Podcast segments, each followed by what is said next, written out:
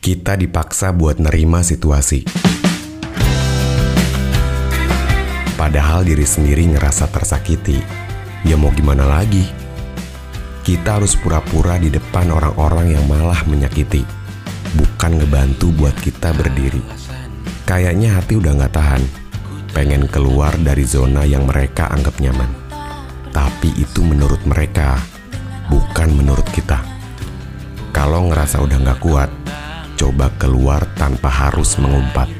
Lakuin hal-hal yang emang kita suka. Jangan dengerin orang-orang yang ngebuat kita luka. Lagian, mereka nggak berdampak apa-apa kok buat kita.